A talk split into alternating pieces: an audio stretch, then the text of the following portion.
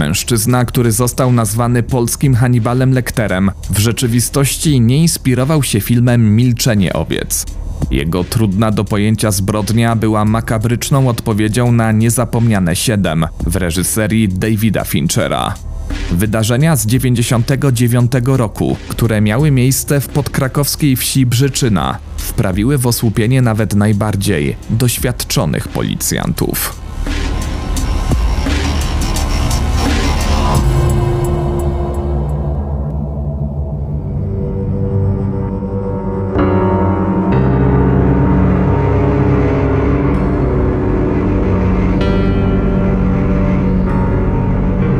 Opowiem Ci historię. Kamil Barnowski. Zapraszam.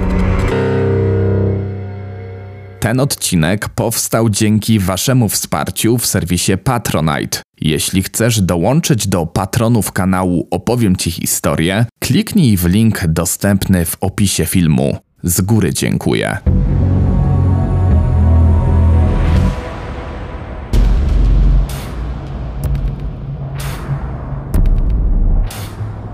Pierwszy akt tragedii rodziny W miał miejsce w pierwszej połowie ubiegłego wieku w okolicy Lwowa, gdzie mieszkał Józef W., świetnie wykształcony stomatolog.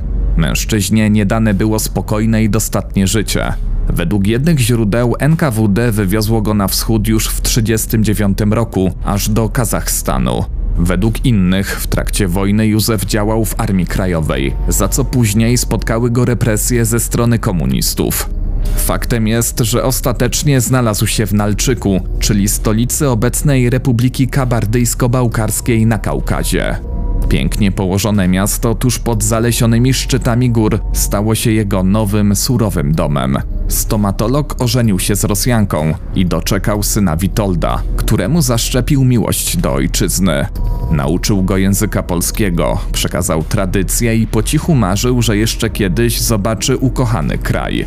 Mężczyzna, podobnie jak ojciec, związał się z miejscową kobietą oraz zdobył renomowany fach protetyka. Przykładał też ogromną wagę do ocen syna Władimira. Był wobec niego apodyktyczny i bardzo wymagający. Chłopiec nie mógł nawet jeździć na upragnionym rowerze, który dostał od matki, ani uczęszczać na szkolne kółko modelarskie. Miał się tylko uczyć, by w przyszłości zostać dobrze opłaconym specjalistą. Oprócz zakazów i nakazów istniały kary ocierające się o bestialstwo. Zdarzyło się, że zaledwie 4,5-letni Władimir razem z chłopakami z Nalczyka rzucał nożami do kartonowego pudła po telewizorze. W środku znajdował się niejaki Steńka, nad którym inne dzieci lubiły się znęcać. Witold dowiedział się o wszystkim i postanowił dać synowi niezapomnianą nauczkę. Uważał, że prawem ojca jest karać potomstwo według własnego uznania, więc bez zbędnej refleksji wysypał sól na rozgrzaną patelnię, po czym kazał na niej klęczeć przerażonemu malcowi. Wbrew jasnym intencjom, Władimir nie tylko nie nabrał wstrętu do noży, ale z biegiem czasu ulegał ich niebezpiecznemu urokowi. Szybko dowiedział się, jak wprawnie nimi manipulować, ponieważ w Nalczyku ramię w ramię z twardym stylem bycia szła dość okrutna kultura. Chłopak już jako pięciolatek po raz pierwszy uczestniczył w tradycyjnym obrzędzie nastoletniego kolegi. Rytuał inicjacyjny, w którego trakcie podrostek stawał się mężczyzną, polegał na samodzielnym zabiciu i oskurowaniu barana. Kiedy Władimir dorósł i jego nie ominął ten zwyczaj, w otoczeniu publiczności zakończył jego życie, po czym odciął mu głowę, a tułów powiesił do góry nogami. Jak przystało na młodego obywatela z Podkaukazu, przeszedł przez cały proces bez zbędnych emocji. Wyjątkowo restrykcyjne wychowanie sprawiło, że nastolatek nie miał żadnych przyjaciół. Wyrósł na zamkniętego w sobie samotnika, który uwielbiał Bruce'a Lee i fascynował się postacią Chingis Hana. Ze wszystkich członków rodziny najmocniejsza więź łączyła go z matką, do której żywił ogromny szacunek. Lubił też porozmawiać z dziadkiem. Ojca z biegiem lat coraz bardziej nienawidził. Nie bez powodu nazywał go małym tyranem. Witold rządził w swoim domu twardą ręką i nie znosił żadnego sprzeciwu. Jego zdanie, plany i dobrobyt stanowiły wartości nadrzędne. W związku z tym, choć na pozór robił wrażenie bogobojnego, w końcu zaczął zdradzać swoją żonę. Po latach Rosjanka przyznała, że nie rozwiodła się tylko ze względu na dzieci. Protetyk kochał pieniądze, ale trzeba przyznać, że to dzięki jego zarobkom parę było stać na opłacenie nauki rodzeństwu. Władimir przejawiał liczne zdolności, więc małżonkowie wiązali z nim duże nadzieje.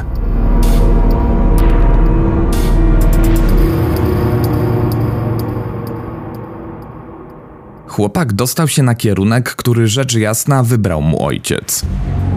Jako absolwent szkoły średniej, nagrodzony złotym medalem za wyniki, pokonał tysiące kilometrów, żeby spełnić marzenie rodzica. Nie udał się jednak do Moskwy czy Petersburga, ale do nowej demokratycznej Polski, na której czele wkrótce stanął prezydent Lech Wałęsa.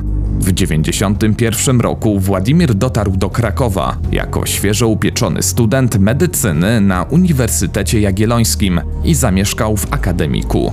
Na jego oczach przebrana ojczyzna zmieniała się bardzo dynamicznie. Rozwijał się kapitalizm. W sklepach co róż pojawiały się kolorowe zachodnie towary.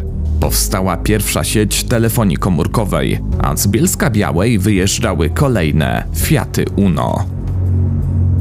Nic dziwnego, że i Witold, słysząc o obiecujących pełnych świeżości zmianach, postanowił dołączyć do syna. Wciąż był też pod urokiem sentymentalnych opowieści Józefa, który od kilkudziesięciu lat śnił o porzuconej Galicji. Kiedy nad Wisłą do kin wchodził Król Lew, a na Eurowizji Edyta Górniak śpiewała To nie ja byłam Ewą, protetyk pakował swoje walizki. W Nalczyku sprzedał co tylko mógł i za zgromadzone pieniądze kupił podpiwniczony piętrowy dom z czerwonej cegły na skraju wsi Brzyczyna. Malowniczo położona miejscowość znajdowała się zaledwie kilkanaście kilometrów na południe od Krakowa, nieopodal Skawiny. Nowa posiadłość stała w kameralnej okolicy, przy błotnistej drodze, nieopodal ogródków działkowych. Kiedy tylko przybysz jako tako się urządził, sprowadził do siebie ojca. Senior w końcu znalazł się w kraju, za którym tęsknił całe dorosłe życie. Kobiety pozostawione w dawnej Republice Radzieckiej miały dołączyć do bliskich, ale nie od razu. Utrzymując się ze skromnej emerytury Józefa, czekały aż Witold znajdzie stabilne zatrudnienie. Mimo to Władimir miał ogromny żal do swojego ojca, że ten zostawił rodzinę w biedzie, a sam uciekł do lepszego świata. Polska lat 90. wcale jednak nie była mlekiem i miodem płynąca. Szalejące bezrobocie straszyło dwucyfrowym wynikiem, a niskie pensje nie pozwalały na luksusy. W dodatku Witold nie miał statusu repatrianta, więc nie przysługiwały mu liczne przywileje.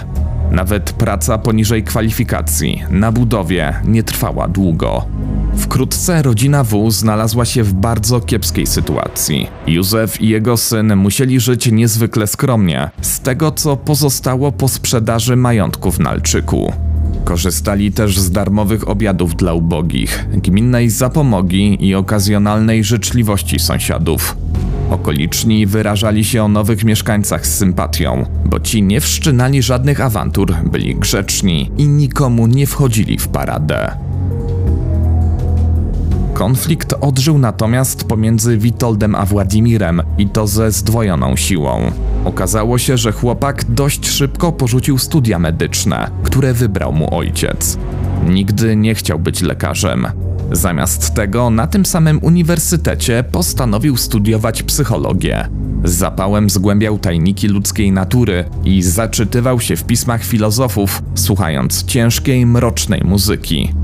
Jak typowy introwertyk w towarzystwie raczej milczał niż mówił, dlatego sprawiał wrażenie zamyślonego. Prowadził również dziennik, a na luźnych kartkach szkicował. W napozór spokojnym, uduchowionym intelektualiście tkwiło jednak coś niepokojącego. Świetnym przykładem opisującym jego osobowość było zdarzenie podczas imprezy w akademiku. Władimir wyrzucił wówczas kota z dziewiątego piętra budynku. Kiedy po latach zapytano go, czemu to zrobił, odpowiedział z szyderczym uśmiechem. Nie wiedziałem, że kot nie umie fruwać. Niedługo przed tym, jak chłopaka wydalono z uczelni, w końcówce 98 roku w Krakowie doszło do zaginięcia Katarzyny Z. Dziewczyna w przeszłości przez krótki czas studiowała psychologię na tym samym uniwersytecie. Kiedy w styczniu z turbiny barki Łoś wyciągano jej skórę, Władimir szykował się już do przenosin pod dach znienawidzonego ojca. Zanim rozgościł się w Brzyczynie, spalił swój dziennik, żeby nie dostał się w niepowołane ręce. Chociaż Wiktor był młody, dobrze zbudowany i bez zobowiązań, nie podjął żadnej pracy. Łatwiej mu było całymi dniami czytać lub oglądać horrory. Kiedy zasypiał, niekiedy zdawało mu się, że opuszcza swoje ciało i wraca do niego dopiero nad ranem. Nieustannie odczuwał też pędku śmierci. Swoje niepokojące wizje przelewał na papier. W aktach sprawy można znaleźć ocalałe rysunki jadowitych zwierząt, demonów i torturowanych ludzi, a także ciąg tajemniczych cyfr i napisów typu Yes, I am professional killer. Z Witoldem wciąż się kłócił, dlatego powietrze w podkrakowskiej wsi wcale nie było świeże, ale toksyczne i ciężkie od wzajemnych oskarżeń.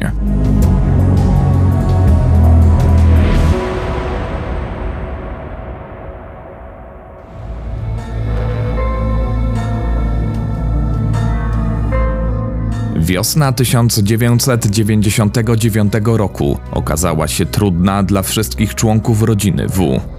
Około 80-letni, coraz bardziej niedowidzący Józef i jego bezrobotny syn w desperacji planowali już powrót na Kaukaz. Byli świadomi, że ponieśli klęskę i tęsknili za bliskimi, których zostawili w Nalczyku. Władimir też chciał wyjechać z Polski, nie był z nią związany. Połowie maja zniszczył swój paszport, prawo jazdy, indeks i książeczkę wojskową. Tymczasem w całym kraju trwały gorączkowe przygotowania do siódmej pielgrzymki Jana Pawła II, która miała się zacząć na początku czerwca. Były student jako ateista nie emocjonował się nadchodzącymi wydarzeniami. Niedzielę 30 maja spędził jak zwykle. Czytał niczego, słuchał metalu i oglądał filmy grozy. Wieczorem znów pokłócił się z ojcem, ale już godzinę później, około 19.30, mężczyźni zeszli razem do piwnicy, żeby wykonać drobne prace gospodarcze.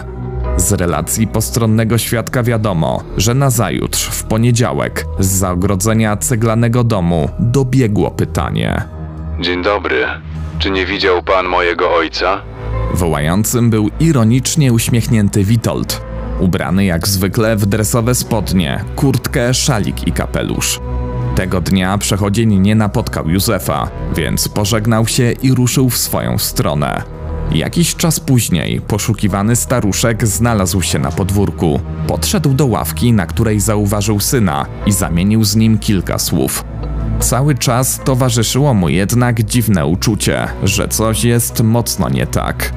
Co prawda senior bardzo słabo widział, ale słyszał całkiem nieźle i nie mógł oprzeć się wrażeniu, że został koszmarnie oszukany. Głos jedynaka brzmiał jakoś dziwnie. Ponadto na jego twarzy rysował się duży, czerwony wykwit. Mimo to zdezorientowany mężczyzna i jego towarzysz poszli na śniadanie.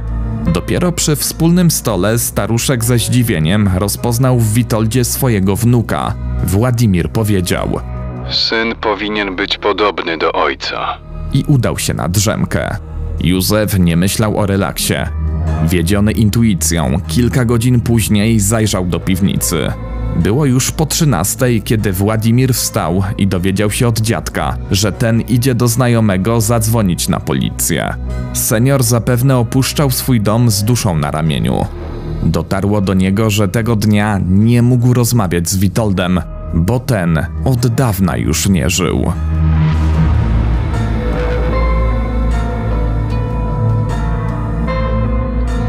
Telefon od zrozpaczonego Józefa odebrali policjanci z sąsiedniej skawiny.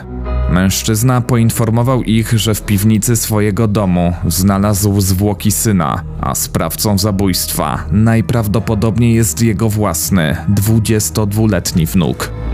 Zawiadomienie natychmiast przekazano Komendzie Wojewódzkiej Policji w Krakowie, więc niebawem na obrzeżach Brzyczyny zaroiło się od funkcjonariuszy. Takiego morderstwa żaden z nich nigdy jeszcze nie widział i zapewnie nigdy więcej nie zobaczył. Wśród mundurowych był też współzałożyciel krakowskiego Archiwum X, Bogdan Michalec. To między innymi dzięki jego wspomnieniom wiadomo, że 52-letni Witold W. wisiał do góry nogami, przywiązany do kraty piwniczego okna. Sprawca skrępował mu nogi za pomocą dziecięcej skakanki. Rozebrany korpus protetyka został owinięty czarną folią, a ręce rozpostarte tak, żeby tworzyły obraz odwróconego krzyża. Dodatkowo ciało było posypane białą substancją, która podkreślała nierealistyczność obrazu. Jakby tego było mało, na miejscu zbrodni brakowało głowy, a obok zbezczeszczonych zwłok znaleziono skalp, który przypominał maskę. Wśród zabezpieczonych przedmiotów znalazły się m.in. nóż sekcyjny i młotek. Znaleziono też sporo odcisków palców oraz śladów krwi. Uwadze śledczych nie umknął zaniedbany ogród, dzięki czemu pod długim balkonem, w chwastach, ujawniono głowę ofiary. Poszukiwania bestii, która dopuściła się tak nieludzkiego czynu, rozpoczęły się natychmiast i na szeroką skalę. Śledczy nadali sprawie bardzo wymowny kryptonim Skalp. Władimira nie było w domu, musiał zbiec w momencie wyjścia dziadka do sąsiada. Bogdan Michalec opowiadał. Sytuacja była napięta. Informacje na temat sprawcy zabójstwa, który zniknął z miejsca zbrodni, były szczątkowe. Członkowie rodziny W pochodzili spoza Polski, nie byli notowani. Na miejscu znalezienia zwłok pojawiły się załogi całego praktycznie Wydziału Komendy Wojewódzkiej Policji w Krakowie. Po okolicy krążyły oznakowane i nieoznakowane radiowozy. W naszym języku nazywamy to rozproszeniem sił. Pamiętam, że był wieczór, ale pod koniec maja jest jeszcze jasno o tej porze roku. Przez krótkofalówkę dostaliśmy informację, że poszukiwany może być niedaleko. Na szczęście policjanci, którzy rewidowali pomieszczenia, znaleźli kilka zdjęć podejrzewanego, co ułatwiło zadanie. Michalec poruszał się nieoznakowanym radiowozem w okolicach Brzyczyny, kiedy nagle na przystanku w miejscowości Libertów dostrzegł młodego mężczyznę w czapce. Nieznajomy na pierwszy rzut oka wydawał się bardzo podobny do poszukiwanego. Funkcjonariusz tak zapamiętał dalsze wydarzenia. Wysiedliśmy. Facet być może coś przeczuwał, bo kiedy tylko usłyszał, że o niego pytamy, sarkastycznie się uśmiechnął i powiedział do mnie: To mnie macie.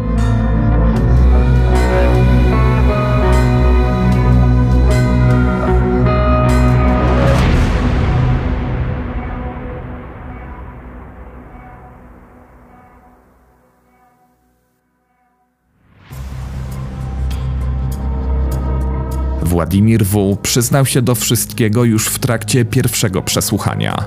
Nie płakał, nie wyrażał skruchy, niczego nie żałował. Za to szczegółowo wyjaśnił wszystkie okoliczności zbrodni. Potwierdził, że feralnego wieczoru zwabił ojca do piwnicy, po czym próbował porazić go paralizatorem. Urządzenie nie zadziałało skutecznie, a Witold od razu zorientował się, że jest w niebezpieczeństwie. Niestety nie zdążył odpowiednio zareagować. Syn przewrócił go na ziemię i zrobił użytek z metalowego szpikulca, który cały czas trzymał w drugiej ręce. Podobno narzędzie szlifował już od kilku miesięcy. Kiedy ofiara leżała na plecach i w panice szamotała się wokół własnej osi, Władimir zadawał kolejne ciosy. Przynajmniej dwa uderzenia trafiły prosto w serce, powodując niemal natychmiastową śmierć. Oskarżony wyjawił: Po pozbawieniu życia ojca nie czułem nic. Raczej było tak, jakbym sam siebie zabił. Chociaż stało się to, o czym chłopak od dawna fantazjował, nie wiedział co dalej. W pierwszym odruchu wyszedł z piwnicy z zamiarem popełnienia samobójstwa, ale ostatecznie z niewiadomych przyczyn odstąpił od tego pomysłu. Zaczął więc rozmyślać, jak powinien postąpić z ciałem. Teoretycznie mógł je pogrzebać obok domu, jednak wtedy o wszystkim dowiedziałby się dziadek. Skoro Józef i tak miał poznać prawdę, zabójca postanowił zrealizować swoją makabryczną wizję. Obrócił ojca na brzuch, żeby nie patrzeć mu w oczy i przystąpił do dzieła. Z jego twarzy, czaszki i kawałka pleców zdjął skórę razem z włosami. Następnie próbował pozbawić go głowy skalpelem, ale szybko się poddał i chwycił za dużo bardziej efektywną sztychówkę. Odciętą część ciała wyrzucił później w chwasty, bo jak powiedział, Właściwie ta głowa była chwastem. Władimir relacjonował. Zwłoki pozbawione głowy zawiesiłem w ten sposób, że miały symbolizować odwrócony krzyż. Albowiem ojciec sprawiał wrażenie bogobojnego człowieka, ale nigdy nie znał żadnej modlitwy. W Biblii nie ma takiego grzechu jak podłość. Ja jestem artystą i nie lubię nikogo naśladować. Chciałem stworzyć dzieło sztuki i tym samym pokazać szczyt ludzkiej podłości. Podczas przesłuchania mężczyzna przywoływał też wspomniany już film 7, w którym seryjny morderca zabija ofiary według klucza siedmiu grzechów głównych. Zabójca z Brzyczyny chciał być oryginalny, więc ukarał ojca za winę pominiętą w obrazie Davida Finchera. Sama inscenizacja na miejscu zbrodni to było jednak mało. Świat musiał dowiedzieć się o wszystkim, uczestnicząc w tragicznym przedstawieniu. Władimir tłumaczył osłupiałym śledczym. Skórę posypałem od wewnątrz solą, aby nie gniła. Swoją twarz i głowę wykleiłem plastrami. Następnie nałożyłem ściągniętą z głowy i twarzy skórę na swoją twarz. Czynności te zajęły mi prawie całą noc, bo jeszcze wcześniej skórę musiałem poszywać. Ponieważ tego nie planowałem, nie miałem odpowiednich narzędzi. Szyłem zwykłą igłą i nitką. Kiedy maska była gotowa, Władimir zgolił część swoich włosów, żeby jeszcze bardziej upodobnić się do ojca. Założył jego ubranie i wczesnym rankiem pojawił się przed domem. Naśladował charakterystyczny sposób poruszania się Witolda oraz jego głos na tyle dobrze, że zdołał zmylić zaczepionego sąsiada. Przechodzień zrozumiał, z kim naprawdę rozmawiał, dopiero po ujawnieniu tragedii. Mordercę bawiło, że ani znajomy z Brzyczyny, ani jego dziadek w ogóle nie zorientowali się, co się stało. Tłumaczył. Mój ojciec nigdy nie miał wartości i w związku z tym nie miał twarzy. Chciałem też sprawdzić, czy dziadek pozna swojego syna. Dlatego musiałem uwolnić ciało od głowy, bo głowa jest wszystkiemu winna. Upiorna gra skończyła się w momencie, gdy Józef wyszedł zadzwonić na policję. Władimir porzucił maskę w piwnicy i z ukrycia obserwował przybycie mundurowych na posesję.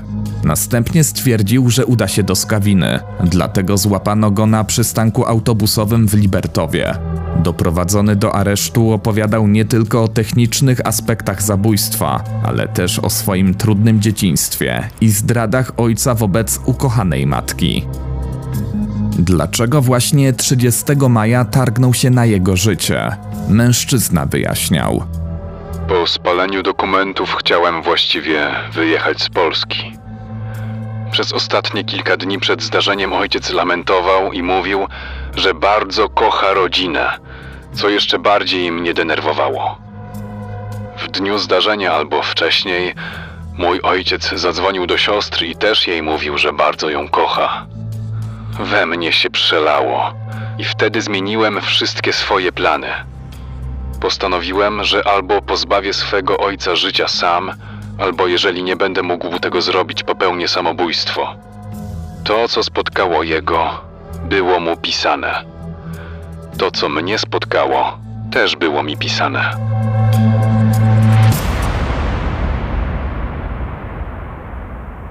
Zbrodnia Władimira była tak niewyobrażalna, że zastanawiano się nad jego poczytalnością. Psychiatrzy orzekli, że morderca żywił wobec ojca bardzo silną nienawiść, która uaktywniła przestępczą działalność. Ponadto stwierdzili, że oskarżony jest niezdolny do empatii, charakteryzuje go ukryta wrogość, chłód emocjonalny, niska samoocena i zaburzenia tożsamości. Za swoje niepowodzenia nigdy nie winił siebie, ale innych ludzi. Posługiwał się trzema psychologicznymi mechanizmami obronnymi. Pierwszym z nich była projekcja, czyli przypisywanie komuś własnych niepożądanych uczuć, poglądów, zachowań lub cech. Drugi stanowiła kompensacja, polegająca na neutralizowaniu negatywnych emocji względem siebie za pomocą nagrody, np. używek lub jedzenia.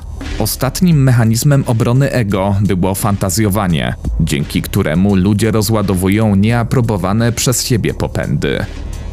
W książce Archiwum X nie ma zbrodni bez kary pojawiło się stwierdzenie, że żyjący w poczuciu krzywdy i braku miłości Władimir nie potrafił się zaakceptować, a jego zbrodnia mogła być przejawem nieuświadomionej chęci symbolicznego przejęcia roli ojca. W tym kontekście zabójstwo było wymierzone w nielubianą część własnego ja i miało doprowadzić do przejęcia tych cech Witolda, których oprawca nie posiadał, czyli siły, mocy i pewności siebie. Psychiatrzy uznali, że oskarżony miał w znacznym stopniu ograniczoną zdolność rozpoznania znaczenia czynu i pokierowania swoim zachowaniem. Matka Władimira nie odcięła się od tragedii. Przyjechała do Polski i w czerwcu stawiła się na przesłuchanie. Jej opowieści o skomplikowanej przeszłości rodziny były zgodne z wyjaśnieniami mordercy. Kobieta postanowiła też, że spotka się ze swoim dzieckiem. Ogrom okrucieństwa przerażał, ale nie zamierzała opuścić syna. Policjant uczestniczący w śledztwie wspominał: Pamiętam, że tylko raz zobaczyłem prawdziwą twarz Władimira. Nadzorowałem jego spotkanie z matką w krakowskim areszcie. Kobieta nie wyrzucała Władimirowi zabójstwa ojca. Miała tylko pretensje o sposób, w jaki Władimir potraktował jego zwłoki. Wtedy Władimir, wyraźnie wzruszony, odpowiedział matce, że zrobił to wszystko tylko dlatego, żeby miała dięgi. Matka szybko mu wyjaśniła, że majątek ojca po jego śmierci dziedziczy dziadek.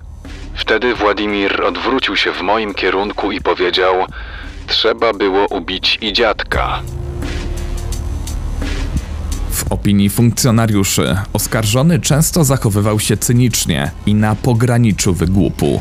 Przykładowo w wieczór sylwestrowy poprosił, żeby dać mu kominiarkę i wypuścić na miasto. Nie zawsze było jasne, czy mężczyzna mówi poważnie, czy tylko próbuje żartować. Oczekiwaniu na proces 3 stycznia 2000 roku mundurowi z Wydziału Kryminalnego Komendy Wojewódzkiej Policji w Krakowie złożyli wniosek do prokuratury okręgowej o przesłuchanie Władimira W. odnośnie innego, równie koszmarnego zabójstwa. Tak naprawdę, kiedy ujęto polskiego Hannibala, policjanci byli pewni, że znaleźli też mordercę Katarzyny Z. Oskurowanie zdarza się przecież niezmiernie rzadko, a do obu zbrodni doszło w odstępie zaledwie 6 miesięcy. W dodatku domniemanego sprawcę i dziewczynę łączyło miasto, podobny wiek i ten sam kierunek studiów. Mężczyzna stanowczo jednak zaprzeczał, że miał cokolwiek wspólnego ze szczątkami wyłowionymi z Wisły. Utrzymywał, że Katarzyny nigdy nawet nie poznał. Pomimo gruntownych rewizji, licznych badań i innych czynności, nie udało się znaleźć żadnych dowodów na faktyczną winę Władimira w tej sprawie. Nie zgadzał się też motyw, który względem dziewczyny miał wymiar seksualny, a nie był bardzo osobistą zemstą. Co więcej, medycy sądowi po gruntownej analizie potraktowania tkanek, w tym sposobu ich cięcia, wykluczyli, że jedna i ta sama osoba mogła dokonać obu morderstw. Tym samym bliscy Katarzyny Z na wyrok dla innego zwyrodnialca musieli czekać jeszcze 22 lata. W sprawie pozbawienia życia Witolda W. akt oskarżenia był gotowy 17 stycznia 2000 roku. Proces, który w całości utajniono, rozpoczął się 16 marca przed Sądem Okręgowym w Krakowie. Prokuratura zarzuciła Władimirowi zabójstwo ze szczególnym okrucieństwem, za co groziła kara dożywotniego więzienia.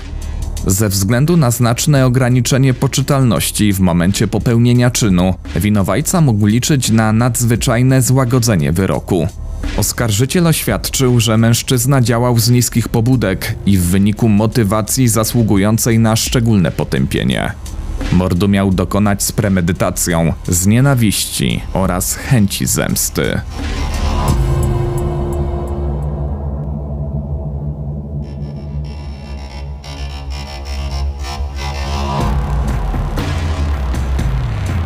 Władimir odmówił odpowiedzi na pytania.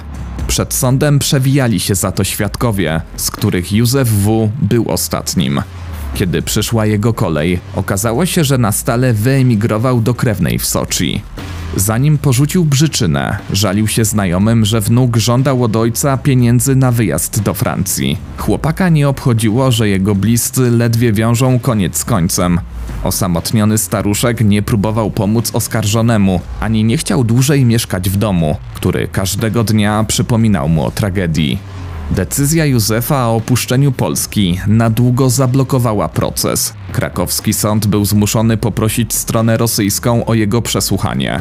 Sporządzenie odpowiednich protokołów zajęło tamtejszym służbom aż 16 miesięcy. Po otrzymaniu dokumentów z Moskwy, wreszcie można było wyznaczyć termin finałowej rozprawy. 22 listopada 2001 roku Władimir W. został skazany na 25 lat pozbawienia wolności, z możliwością warunkowego zwolnienia po 20 latach odsiadki. Karę miał odbyć w zakładzie, który prowadzi leczenie psychiatryczno-psychologiczne. Uzasadnienie wyroku utajniono. Wiadomo jednak, że mężczyzna słuchał sędziego ze spokojem. Pół roku później odbyła się rozprawa apelacyjna, ale dla Władimira nie zmieniło się nic, poza odebraniem mu praw publicznych na lat 10. Mimo to skazaniec nie odsiedział całego wyroku w polskim więzieniu. Już w lutym 2003 roku prasa poinformowała, że morderca złożył wniosek o odbycie kary w Rosji, bliżej swojej rodziny.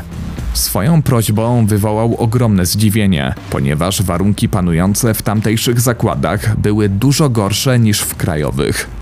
Ostatecznie przewodniczący Wydziału Karnego Sądu Okręgowego zezwolił na przenosiny. Zanim do nich doszło, w 2007 roku Władimir po raz pierwszy zgodził się na wywiad do programu TVN Archiwum X Śledztwa po latach. Dziennikarzowi tłumaczył, że zbrodni dokonał pod wpływem impulsu, ponieważ ojciec powiedział mu coś niedobrego. Po raz kolejny bardzo stanowczo odciął się też od sprawy Katarzyny Z, mówiąc, że nigdy nie zabiłby dziecka ani kobiety. Niedługo po nagraniu wyjechał do miejsca, które było ojczyzną ukochanej matki. Witold został natomiast w Polsce. Według informacji portalu Crime, jego grób znajduje się nieopodal Krakowa.